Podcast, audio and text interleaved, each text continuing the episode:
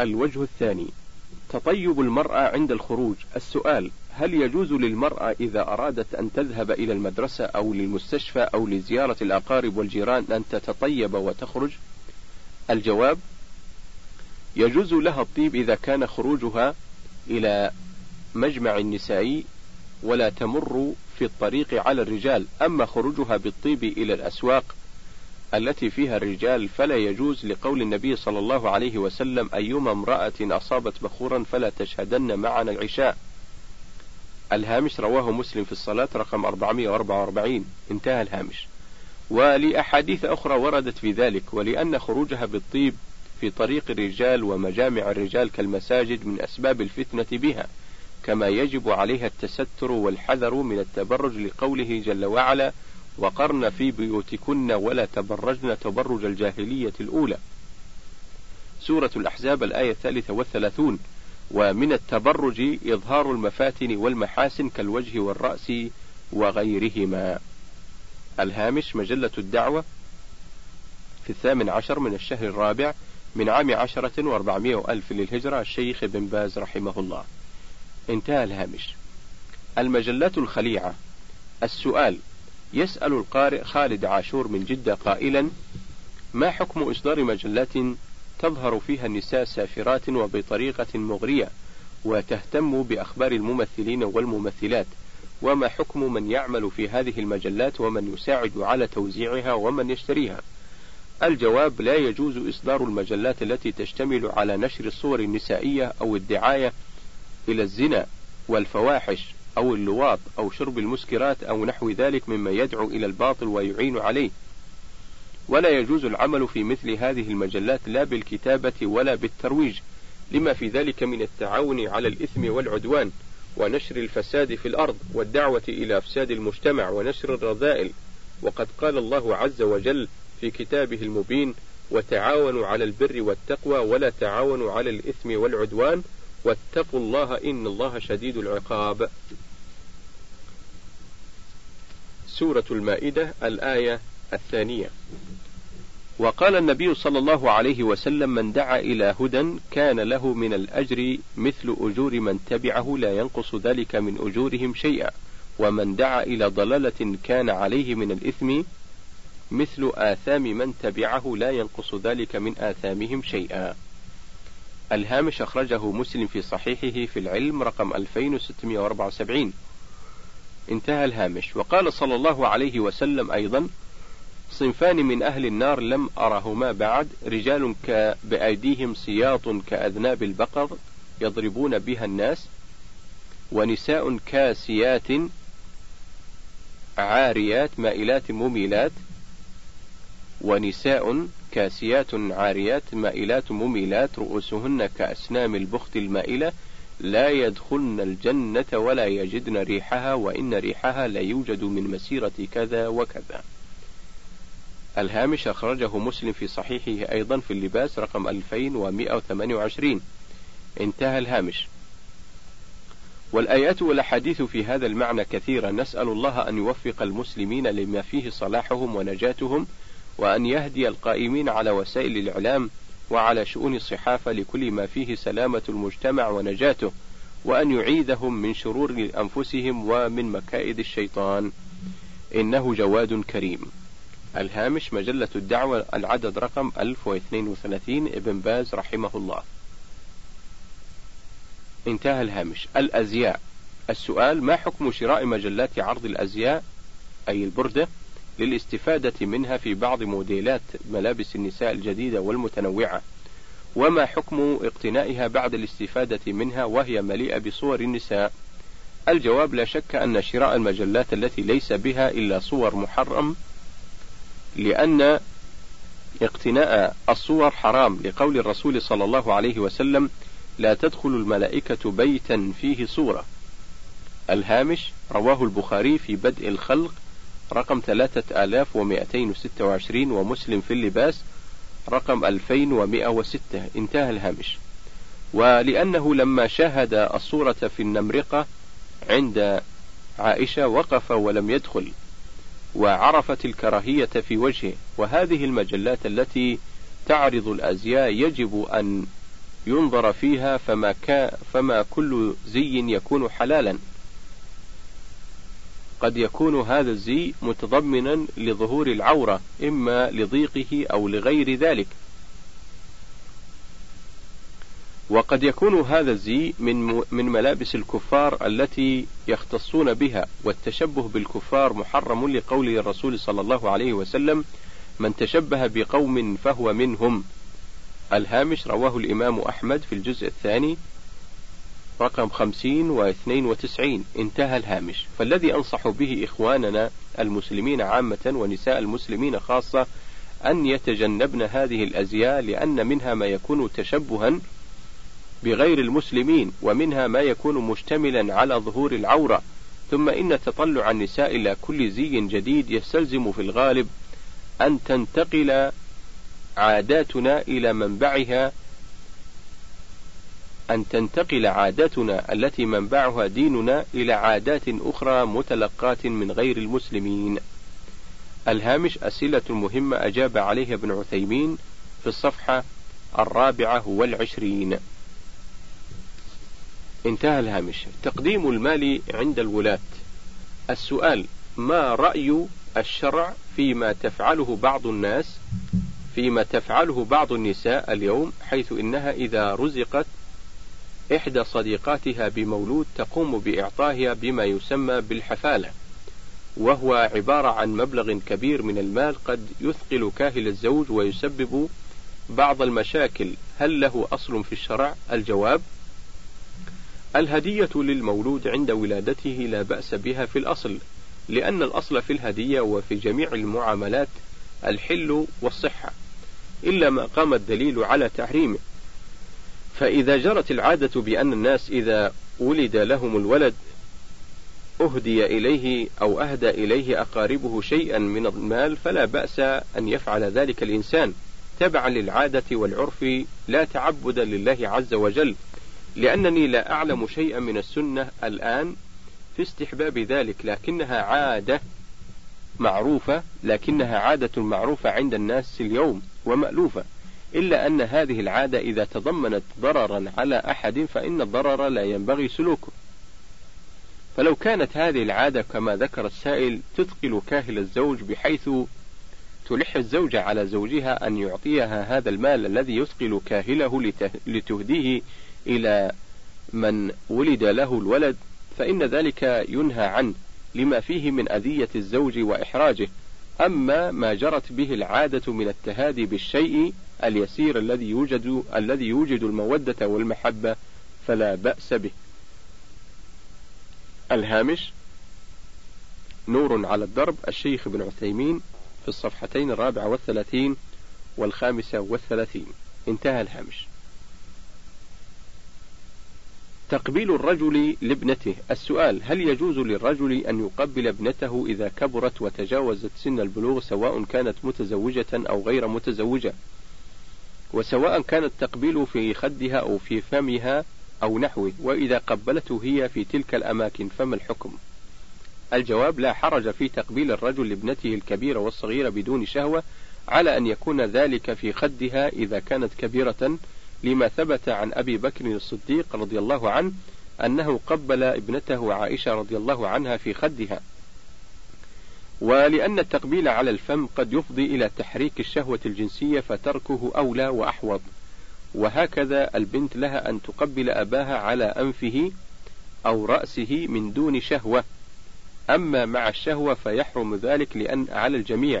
حسما لمادة الفتنة وسدا لذرائع الفاحشة والله ولي التوفيق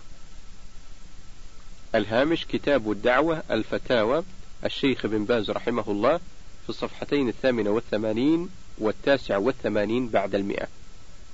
انتهى الهامش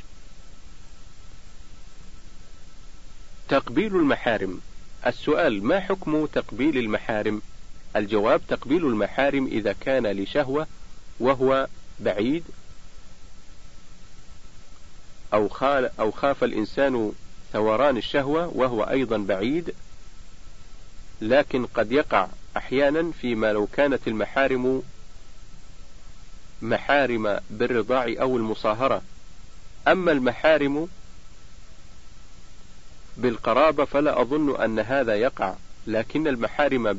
بالمصاهرة أو بالرضاعة ربما يقع فإذا كان الإنسان يخاف على نفسه من ثوران الشهوة من ثوران الشهوة فهو حرام بلا شك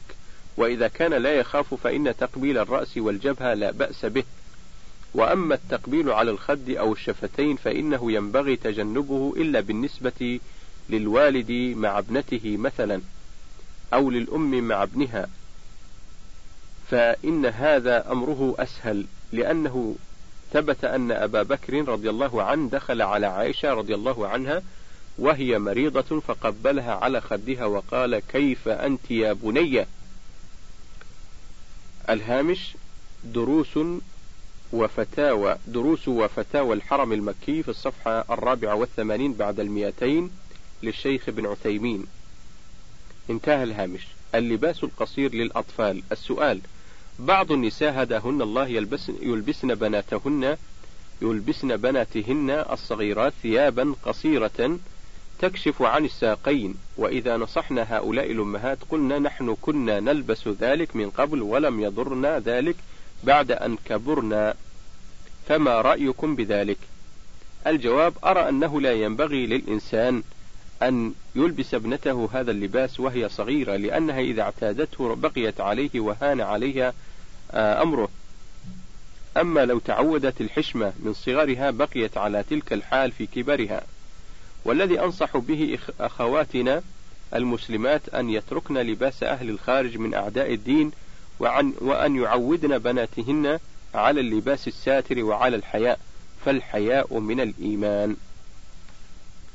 الهامش فتاوى المرأة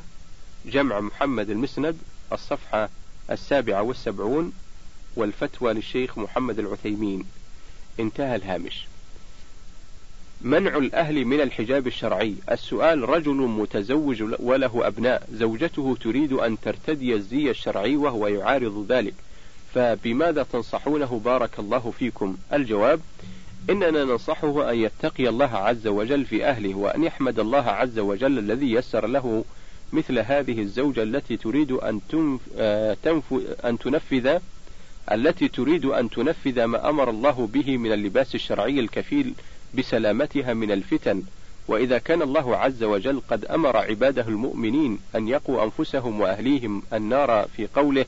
يا أيها الذين آمنوا قوا أنفسكم وأهليكم نارا وقودها الناس والحجارة عليها ملائكة غلاظ شداد لا يعصون الله ما أمرهم ويفعلون ما يؤمرون سورة التحريم الآية السادسة وإذا كان النبي صلى الله عليه وسلم قد حمل الرجل المسؤولية في أهله فقال الرجل راع في أهله ومسؤول عن رعيته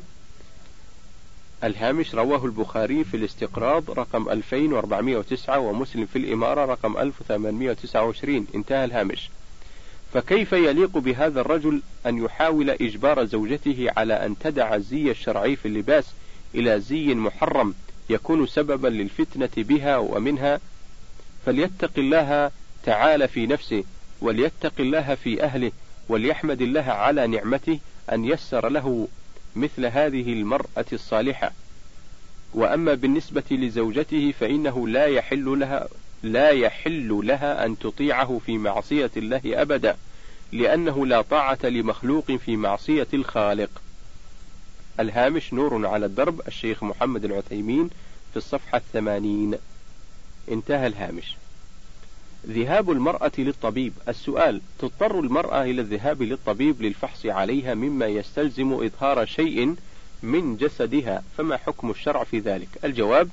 إن ذهاب المرأة إلى الطبيب عند عدم وجود الطبيب لا بأس عند عدم وجود الطبيب لا بأس به وقد ذكر أهل العلم أنه لا بأس به ويجوز أن تكشف للطبيب كل ما يحتاج النظر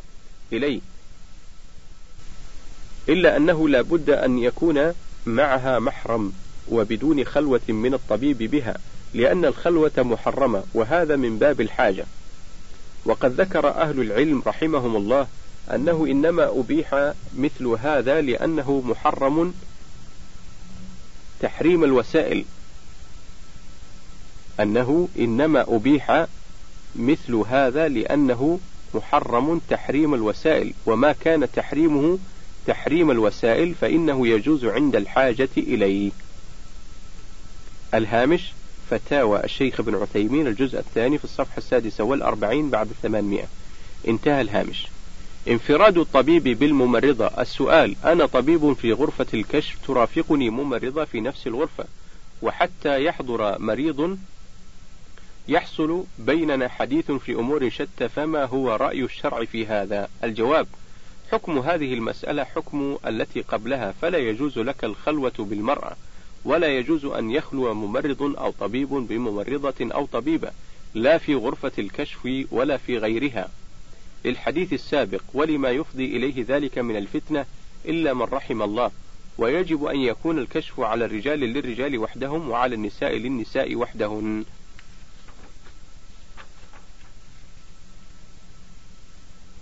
الهامش فتاوى عاجلة لمنسوبي الصحة في الصفحة السادسة والعشرين الشيخ بن باز رحمه الله انتهى الهامش حكم ذهاب المرأة إلى طبيب يعالجها من وجود مع وجود طبيبة في نفس الاختصاص السؤال ما حكم ذهاب المرأة إلى طبيب يعالجها مع وجود طبيبة في نفس الاختصاص الجواب إذا كان الاختصاص واحدا والحذق متساويا بين الرجل والمرأة فإن المرأة فإن المرأة لا تذهب إلى الرجل لأنه لا داعي لذلك ولا حاجة، أما إذا كان الرجل أحذق من المرأة أو كان اختصاصه أعمق فلا حرج عليها أن تذهب إليه، وإن كان هناك امرأة، لأن هذه الحاجة لأن هذه حاجة والحاجة تبيح مثل تبيح مثل هذا الهامش من فتوى للشيخ ابن عثيمين عليها توقيعه انتهى الهامش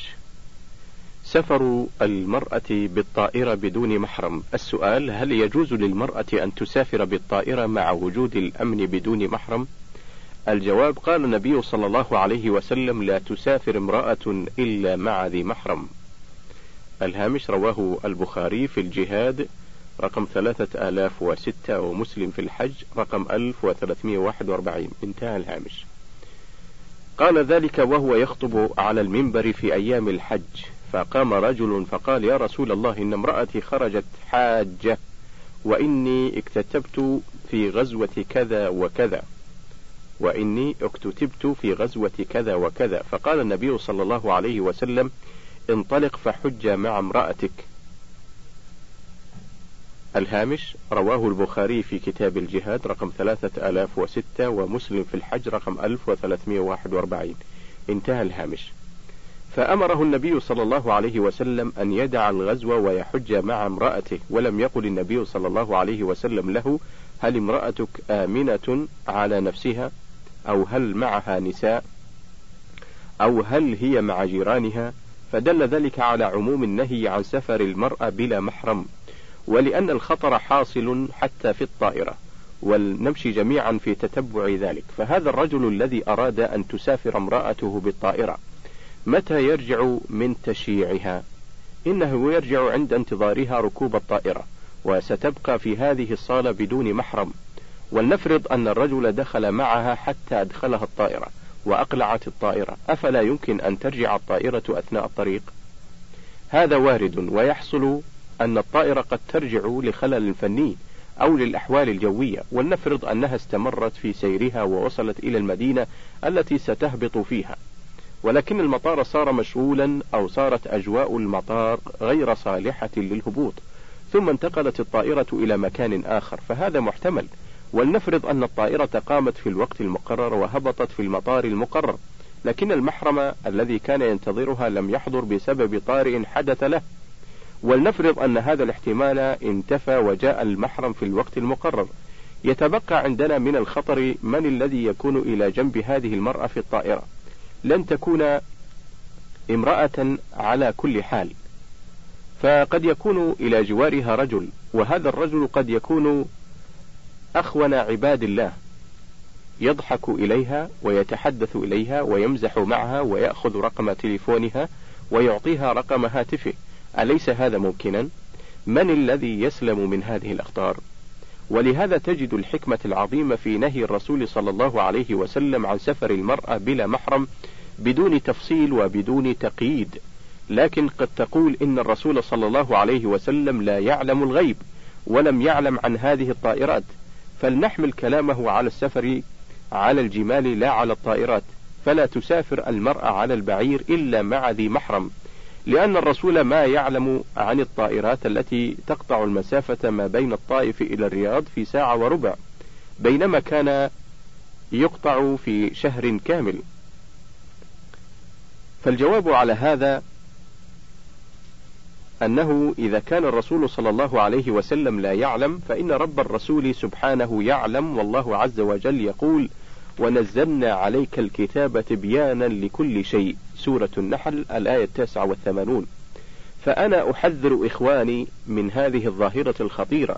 وهي التساهل في سفر المرأة بلا محرم كما أحذرهم أيضا من خلو السائق بالمرأة في السيارة ولو في البلد لأن الأمر خطير كما أحذرهم أيضا من خلو قريب الزوج بالمرأة في البيت لأن النبي صلى الله عليه وسلم سئل لما قال إياكم والدخول على النساء قالوا يا رسول الله أفرأيت الحمو قال الحمو الموت أي احذر منه أشد الحذر والغريب أن بعض العلماء عفى الله عنهم قال معنى قوله الحمو الموت أي أن الحمو لا بد من دخوله على المرأة أي أن الحمو لا بد من دخوله على امرأة قريبة كما أن الموت لا بد منه الهامش رواه البخاري في النكاح رقم 5232 ومسلم في السلام رقم 2172 انتهى الهامش سفر المرأة بدون محرم للحج والعمرة السؤال امرأة تريد السفر إلى جدة للعمرة وودعها محرم لها من الرياض وركبت الطائرة واستقبلها في جدة محرم آخر هل يجوز ذلك؟ الجواب إذا كان الأمر قد وقع فقد انتهى ومع ذلك فإن هذا حرام عليها لأنها داخلة في عموم قوله صلى الله عليه وسلم لا تسافر امرأة إلا مع ذي محرم وهذه امرأة سافرت بدون محرم فصدق عليها الوقوع فيما نهى عنه الرسول صلى الله عليه وسلم قد تقول إن محرمها إذا شيعها إلى المطار واستقبلها المحرم الآخر زال المحذور والرسول صلى الله عليه وسلم ما نهى عن ذلك إلا خوف المحذور فإذا زال المحذور فلا بأس فالجواب أن الرسول صلى الله عليه وسلم أطلق النهي قال لا تسافر امرأة إلا مع ذي محرم فقام رجل فقال يا رسول الله إن امرأتي خرجت حاجة وإني اكتتبت في غزوة كذا وكذا فقال انطلق فحج مع امرأتك فأمره الرسول صلى الله عليه وسلم أن يلغي الغزوة وأن يذهب مع امرأته وهل استفصل النبي صلى الله عليه وسلم هذا الرجل وقال هل امرأتك آمنة أو غير آمنة؟ لا. هل قال معها نساء أو لا؟ لا. ما قال هل قال هي عجوز أو شابة؟ هل قال معها نساء أو لا؟ لا، ما قال. هل قال هي عجوز أم شابة؟ ما قال. فالأصل بقاء اللفظ على عمومه لا سيما أن قصة هذا الرجل وقعت مؤيدة أو مؤيدة للعموم وأما كون محرمها يشيعها للمطار فأرجو أن تكونوا معي في هذه المسألة إن كنت أخطأت فصححوا خطأي وإن كنت أصبت فوافقوني على هذا وحذروا الناس هذا الذي ذهب معها إلى المطار من العادة أن الصالة التي للمسافرين لا يدخلها أحد إلا المسافرون وحدهم فمحرمها سيشيعها إلى هذه الصالة ويرجع هذا الغالب إذا رجع أو إذا رجع هل من المؤكد مئة في المئة أن الطائرة ستقلع في الوقت المحدد لا قد تتأخر ثم إذا أقلعت في الوقت المحدد وسارت في الجو هل من المضمون بالتأكيد أنه سيبقى الجو ملائما أو قد تحدث حالات توجب رجوع الطائرة؟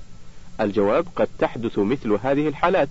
ثم لو فرض أنها استمرت ووصلت إلى البلد الذي فيه الهبوط فقد لا يتسنى ذلك فتذهب إلى مكان آخر فمن يقابلها في المطار الثاني وإذا قدر أنها هبطت في المطار الذي تريد الهبوط فيه فهل المحرم الذي كان من المقرر أن يقابلها هل مقابلته إياها مضمونة وفي الوقت نفسه هي غير مضمونة فقد يعتريه مرض وقد يضيع وقد تكون السيارات مزدحمة فينحبس بازدحام السيارات كل هذا وارد أليس كذلك؟ سلمنا أن كل هذه الموانع فقدت وجاءت المسألة على ما يرام ولكن من الذي يجلس إلى جانبها في الطائرة؟ والله أعلم قد يجلس إلى جانبها رجل عفيف وغيور على محارم على محارم المسلمين فيحميها وقد يكون أحسن من محرمها وقد يجلس إلى جانبها فاجر ماكر مخادع يغرها ويغريها وما دامت المسألة خطيرة والشارع له تشوف بالغ لحفظ الأعراض حتى قال الله عز وجل ولا تقربوا الزنا سورة الإسراء الآية الثانية, الثانية والثلاثون ولم يقل ولا تزنوا حتى نبتعد عن كل ما قد كان على عن كل ما قد يكون سببا للوصول إلى الزنا، فإن الواجب على المؤمن الخائف من الله عز وجل الغيور على محارمه ألا يمكن أحدا من محارمه من السفر إلا بمحرم، وما أيسر الأمر، اذهب معها وارجع فما فيه كلفة، والحمد لله. الهامش فتاوى الشيخ ابن عثيمين الجزء الثاني في الصفحة رقم 590 انتهى الهامش حكم الخروج مع السائق إلى المدارس والأسواق السؤال سائلة تقول نحن عائلة كبيرة ولدينا سائق يقوم بإيصالنا إلى المدارس والأسواق والأقارب فما حكم ركوبنا معه داخل المدينة وخارجها علما بأنه لا يوجد معنا رجل في السيارة الجواب لا حرج في ذلك مع السائق إذا كان الموجود ثنتين فأكثر وليس هناك ريبة فلا بأس من الخروج معه إلى المدرسة أو غيرها للحاجة على وجه لا ريبة فيه وإذا تيسر أن يكون معهن رجل فذلك خير وأصلح ولكن لا يجب ذلك بل يكفي ما يزيل الخلوة وهو وجود امرأة ثانية فأكثر أو رجل آخر غير السائق مع توافر عدم الريبة لأن وجود المحرم قد لا يتيسر في كل وقت لكل أحد أما إذا كانت المسافة تعتبر سفرا فلا يجوز سفرها بدون محرم لقول النبي صلى الله عليه وسلم لا تسافر امرأة إلا مع ذي محرم الهامش متفق على صحته رواه البخاري في الجهاد رقم 3006 ومسلم في الحج رقم 1341 كما تقدم انتهى الهامش ولا بد من الحجاب والبعد عن أسباب الفتنة حتى لا يقع شر بينها وبينه الهامش مجموع فتاوى ومقالات متنوعة الجزء الخامس الصفحة الثامنة والسبعون الشيخ بن باز رحمه الله انتهى الهامش حكم كثرة خروج المرأة للأسواق دون حاجة دون حاجة السؤال كثير من النساء يخرجن بكثرة إلى الأسواق بحاجة وبغير حاجة وقد يخرجن من غير محرم مع ما في السوق من فتن فما قولكم وجزاكم الله خيرا الجواب لا شك أن بقاء المرأة في بيتها خير لها كما جاء في الحديث وبيوتهن خير لهن الهامش رواه أحمد في مسنده الجزء الثاني الجزء الثاني صفحة رقم 76 انتهى الهامش ولا شك أن إطلاق الحرية لها في الخروج خلاف ما يأمر به الشرع من حماية المرأة والحرص على وقايتها من الفتنة والواجب على الأولياء أن يكونوا رجالا بمعنى الكلمة فقد قال سبحانه والرجال الرجال قوامون على النساء فقد قال سبحانه وتعالى الرجال قوامون على النساء سورة النساء من الآية الرابعة والثلاثين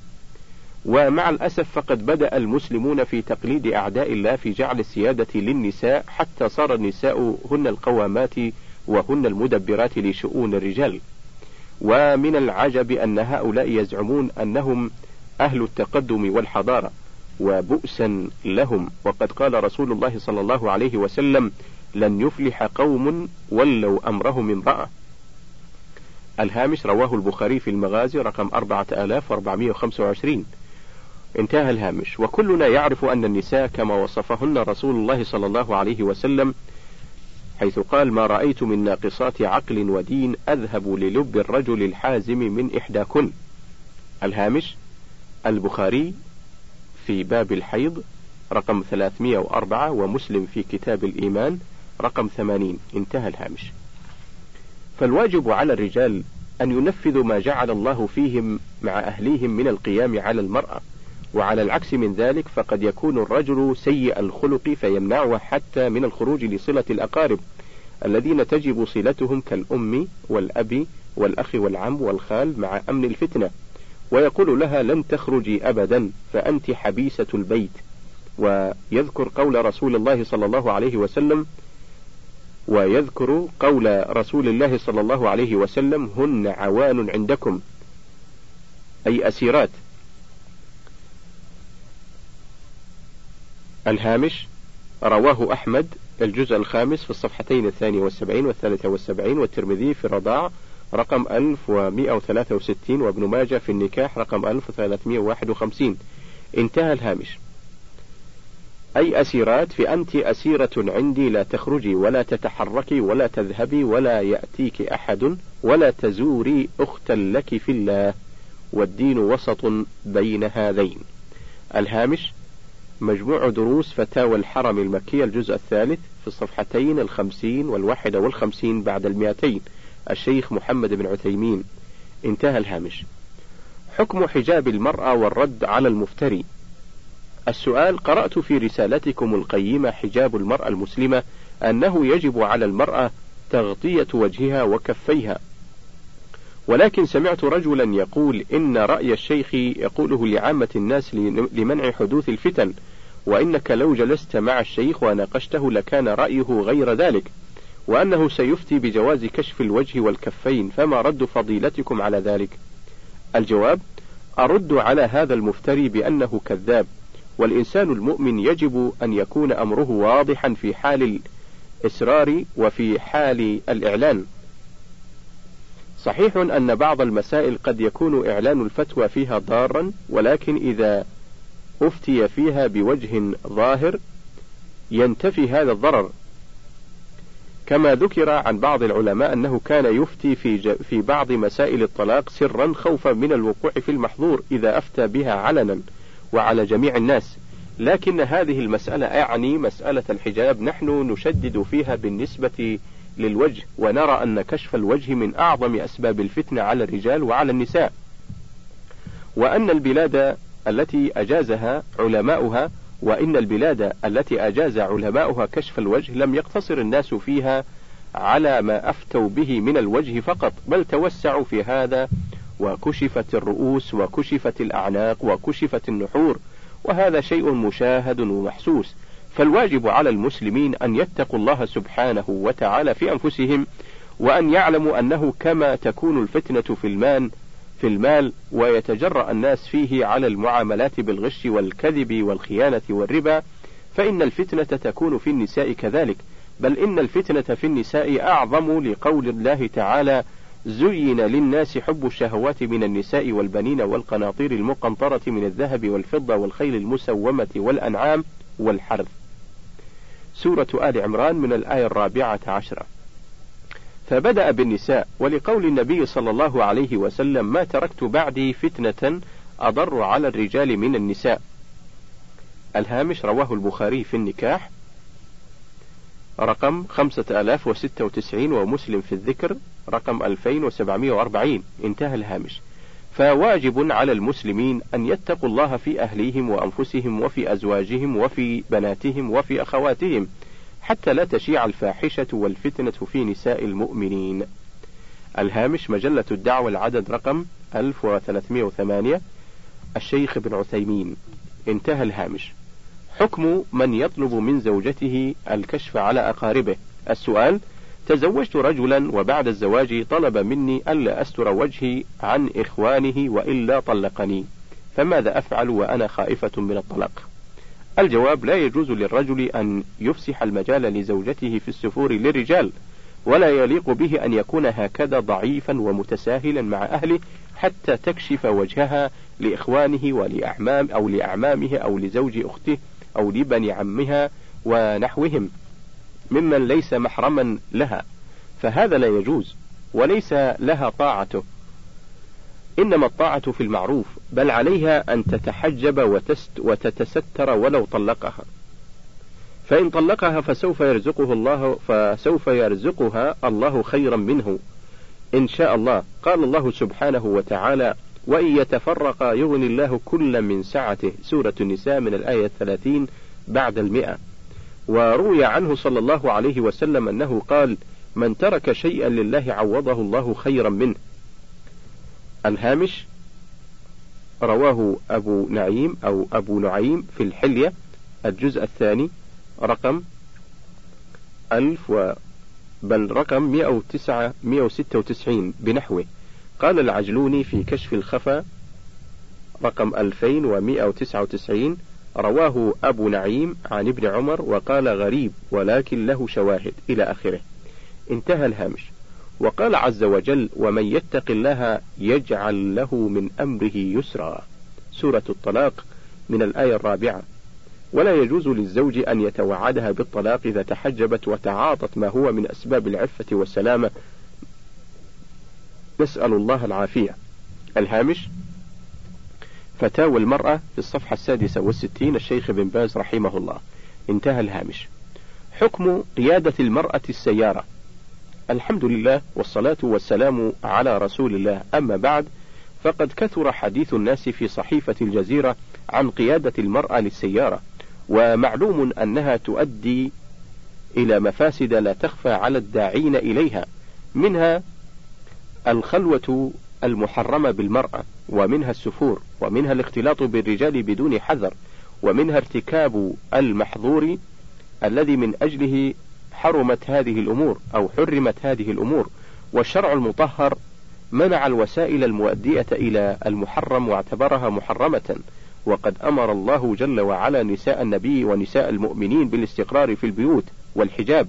وتجنب إظهار الزينة لغير محارمهن لما يؤدي إليه ذلك كله من الإباحية التي تقضي على المجتمع قال تعالى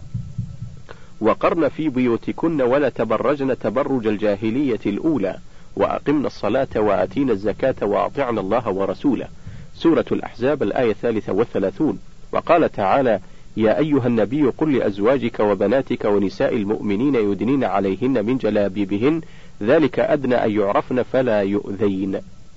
سورة الأحزاب الآية التاسعة والخمسون وقال تعالى وقل للمؤمنات يغضضن من أبصارهن ويحفظن فروجهن ولا يبدين زينتهن إلا ما ظهر منها وليضربن بخمورهن على جيوبهن ولا يبدين زينتهن إلا لبعولتهن أو آبائهن أو آباء بعولتهن أو أبنائهن أو أبناء بعولتهن أو إخوانهن أو بني إخوانهن أو بني أخواتهن أو نسائهن أو ما ملكت أيمانهن أو التابعين غير أولي الإربة من الرجال أو الطفل الذي أو الطفل الذين لم يظهروا على عورات على عورات النساء ولا يضربن بأرجلهن ليعلم ما يخفين من زينتهن وتوبوا إلى الله جميعا أيها المؤمنون لعلكم تفلحون سورة النور الآية الواحدة والثلاثون وقال النبي صلى الله عليه وسلم ما خلا رجل بامرأة إلا كان الشيطان ثالثهما، فالشرع المطهر منع جميع الأسباب المؤدية إلى الرذيلة، بما في ذلك رمي المحصنات الغافلات بالفاحشة، وجعل عقوبته من أشد العقوبات، صيانة للمجتمع من نشر أسباب الرذيلة، وقيادة المرأة من الأسباب المؤدية إلى ذلك، وهذا لا يخفى، ولكن الجهل بالأحكام الشرعية وبالعواقب السيئة التي يفضي إليها التساهل بالوسائل المفضية إلى المنكرات مع ما يبتلى به الكثير من مرضى القلوب ومحبة الإباحية والتمتع بالنظر إلى الأجنبيات كل هذا يسبب الخوض في هذا الأمر وأشباهه بغير علم وبغير مبالاة بما ورى ذلك من الأخطار وقال الله تعالى بما وراء ذلك من الأخطار وقال الله تعالى قل إنما حرم ربي الفواحش ما ظهر منها وما بطن والإثم والبغي بغير الحق وأن تشركوا بالله ما لم ينزل به سلطانا وأن تقولوا على الله ما لا تعلمون سورة الأعراف الآية الثالثة والثلاثون فقال سبحانه ولا تتبعوا خطوات الشيطان إنه لكم عدو مبين إنما يأمركم بالسوء والفحشاء وأن تقولوا على الله ما لا تعلمون سورة البقرة الآية التاسعة والستون بعد المئة وقال صلى الله عليه وسلم ما تركت بعدي فتنة أضر على الرجال من النساء رواه البخاري في النكاح رقم 5096 ومسلم في الذكر رقم 2740 انتهى الهامش وعن حذيفة ابن اليمان رضي الله عنه قال كان الناس يسألون رسول الله صلى الله عليه وسلم عن الخير وكنت أسأله عن الشر مخافة أن يدركني فقلت يا رسول الله إن كنا في جاهلية وشر فجاء الله بهذا الخير فهل بعده من شر قال نعم قلت وهل بعد ذلك الشر من خير قال نعم وفيه دخن قلت وما دخنه قال قوم يهدون بغير هدي تعرف منهم وتنكر قلت فهل بعد ذلك الخير من شر قال نعم دعاة على أبواب جهنم من أجابهم إليها قذفوه فيها قلت يا رسول الله صفهم لنا قال هم من جلدتنا ويتكلمون بألسنتنا قلت فما تأمرني إن أدركني ذلك قال تلزم جماعة المسلمين وإمامهم قلت فإن لم يكن لهم إمام ولا جماعة قال فاعتزل تلك الفرق كلها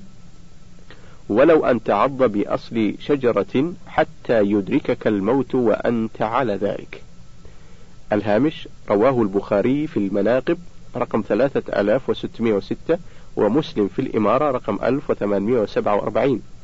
انتهى الهامش وإنني أدعو كل مسلم أن يتقي الله في قوله وفي عمله وأن يحذر الفتن والداعين إليها وأن يبتعد عن كل ما يسخط الله جل وعلا أو يفضي إلى ذلك وأن يحذر وأن يحذر كل الحذر أن يكون من هؤلاء الدعاة الذين أخبر عنهم النبي صلى الله عليه وسلم في هذا الحديث الشريف وقال الله شر الفتن وأهلها وحفظ لهذه الأمة دينها وكفاها شر دعاة السوء ووفق كتاب صحفنا وسائر المسلمين لما فيه رضاه وصلاح أمر المسلمين ونجاتهم في الدنيا والآخرة إنه ولي ذلك والقادر عليه وصلى الله على نبينا محمد وآله وصحبه وسلم الهامش مجموع الفتاوى الجزء الثالث الشيخ بن باز رحمه الله انتهى الهامش حكم قيادة المرأة للسيارات السؤال أرجو توضيح حكم قيادة المرأة للسيارة وما رأيكم بالقول إن قيادة المرأة للسيارة أخف ضررا من ركوبها مع السائق الأجنبي الجواب الجواب على هذا السؤال ينبني على قاعدتين مشهورتين بين علماء المسلمين القاعدة الأولى أن ما أفضى إلى المحرم فهو محرم والقاعدة الثانية أن درء المفسدة إذا كانت مكافئة لمصلحة من المصالح أو أعظم مقدم على جلب المصالح فدليل القاعدة الأولى قوله تعالى ولا تسبوا الذين يدعون من دون الله فيسبوا الله عدوا بغير علم سورة الأنعام من الآية الثامنة بعد المئة فنهى الله تعالى عن سب آلهة المشركين مع أنه مصلحة لأنه يفضي إلى سب الله تعالى ودليل القاعدة الثانية قوله تعالى يسألونك عن الخمر والميسر قل فيهما إثم كبير ومنافع للناس وإثمهما أكبر من نفعهما سورة البقرة من الآية التاسعة عشر بعد المئتين وقد حرم الله تعالى الخمر والميسر مع ما فيهما من المنافع درءا للمفسدة الحاصلة بتناولهما وبناء على هاتين القاعدتين يتبين حكم قيادة المرأة للسيارة فإن قيادة المرأة للسيارة تتضمن مفاسد كثيرة، فمن مفاسد هذا نزع الحجاب لأن قيادة السيارة سيكون بها كشف الوجه الذي هو محل الفتنة ومحط أنظار الرجال، ولا تعتبر المرأة جميلة وقبيحة عند الإطلاق إلا بوجهها،